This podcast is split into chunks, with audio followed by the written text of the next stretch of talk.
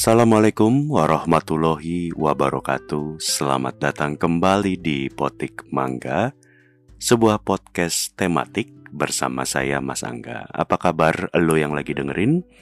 Semoga dalam keadaan sehat walafiat. Today we will gonna be an English language episode. I will try my best to have this episode in full English because it's been a while since I made an English episode. I haven't have any English episode in 2022. And since today we'll have a kind of personal things for me, so let's have it in English. So bear with me and apologize for any mispronounce or grammarly wrong. Okay. Um if you ask me what makes me become what I am today, in terms of job and knowledge in creative industry, of course my answer will be many things since this industry develop each time and also 2 years of pandemic make every of us have to adapt and survive. Me of course and everyone decided to live in this industry or in this business have also to learn each and every time. I mean, I learn from various people. I watch, I analyze, I'm copying, I steal each and every knowledge that I could in every possible moment that I have. I don't think I could thank enough people that makes me what I am today. But let's date back to day one. I mean, how on earth did I end up in this industry, industry that I learned nothing before. I never formally studied video, um, advertising, design, or anywhere near this creative industry. Well, it all began. It was all begun when I took the offer letter for a personal assistant to a managing director. I signed it and today, this very day, I scheduled it in 2nd of July. 10 years ago in 2012, I started my first day at Fashion TV Indonesia. well, not like any Hollywood movies when you saw the main character has their happy endings in 2 hours or so. This main character took it hardly and longer. And trust me, it is more than two hours. And nope, this character has not gained his happy ending yet. well, soon I hope. Amen. And as I mentioned before, today, 10 years ago, it was my first day at Fashion TV Indonesia. Why do I remember the date, the exact date on 2nd of July? Well, it was easy because it was Monday morning after Euro 2012 final between Italy and Spain. I remember Italy was beaten for nothing. Uh, Juan Mata scored one final goal after he came in as a substitute. Correct me if I'm wrong. So every time media or social media now posted on this day, Spain beat Italy on Euro 2012 final, I also remember the very next day I came to the office. My eyes are so heavy. I barely slept the night before, having watched the game kick off on probably 1.30 in the morning and go to the office on your first day on 8 o'clock was not a good combination. Because on a perfect plan, you wanted to impress and look great, flawless on your first day no stupid error or look unwell. I have no clue what happened to Fashion TV Indonesia today as we speak. Because I do Google it, and the website, Fashion TV Indonesia website, is no longer available. I checked the Instagram account at Fashion TV Indonesia underscore ID. Um, last time uh, it posted the feed was on 2017 August. So maybe the company is no longer exists, but um, not to confuse with the channel, Because as the channel, Fashion TV channel that broadcasts 24 hours full of lifestyle and fashion, it does still exist and I do believe it's still running well. Uh, you can always watch fashion TV on pay TV or cable TV or maybe now streaming online. When I mention the company that no longer exists, I'm talking about the Fashion TV Indonesia. Um, you may unclear or confused about this, so I don't want to mislead you. So bear with me as I would like to illuminate you with lights of my knowledge as a former employee. So I want to give you a disclaimer first. Um, the whole thing was my knowledge at the time. Um, you can kindly check all the fact that I mentioned or Google it yourself for more details. So, okay. uh, yeah, so Fashion TV as a brand, as a company, uh, correct me if I'm wrong, has several businesses also diverse in various area. I have no idea to be exact how many businesses uh, they have globally, but as I remember in Indonesia, as far as my knowledge, they have numbers of business. Um, they have the company for the F hotels or fashion hotels in Bali. I never been there. Maybe I would love to go there someday, just for the Instagram post.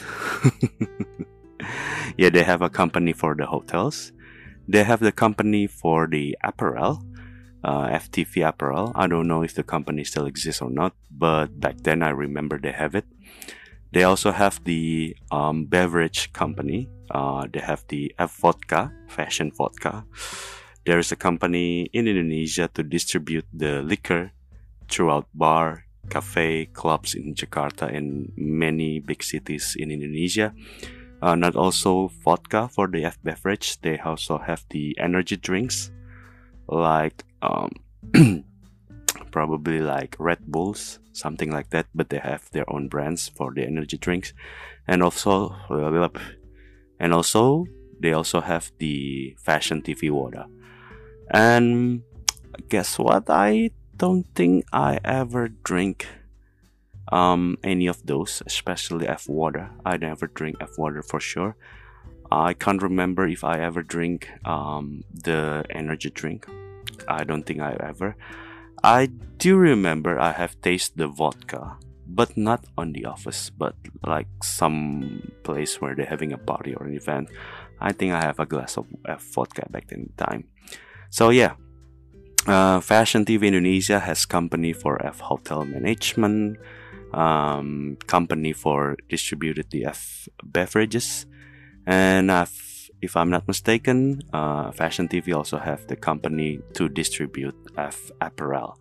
That's already three company, three different company. Company number four, if I not mistaken, uh, I think if things still the same, is the most important probably the that company company number four probably making the most money of it because company number four is channel distribution.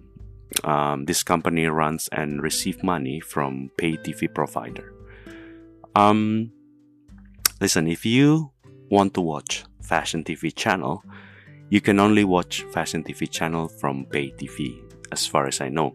So I don't know uh, how many pay TV provider available right now, or how many of those pay TV have the rights to air or broadcast fashion TV. But if you want to have fashion TV on your TV, on your uh, living room, you have to subscribe some amount other than your regular package.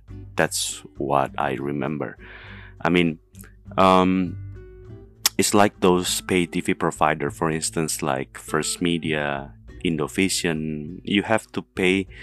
Uh, they have to pay First Media, Indovision, and other provider, they have to pay broadcasting right fee for fashion TV in order for them can have it to their subscriber. I have no clue how much I mean how much each pay TV have to pay fashion TV for having the broadcasting rights to their channel, but I assume it's quite amount of it since uh, we if we want to have fashion TV on our home, we have to pay a lot back then. I have no idea how much is it now. Is it free? Is it available on air? But back then, if if I don't mistaken, if I remember it correctly, maybe around uh, 50 to 100,000 rupiahs per month, maybe. Uh, other than your regular package uh, to subscribe those pay TV. Um, pretty much it's like um, subscribing uh, football channel, English Premier League. I mean, those pay TV like uh, now Mola TV or beIN Sport back then have to pay fortune to Premier League uh, broadcaster uh, in England uh, in order to have them having broadcasting rights. It is more or less the same with Fashion TV channel. So yeah, anyway, back to topic on uh, today, 10 years ago, 2nd of July 2012.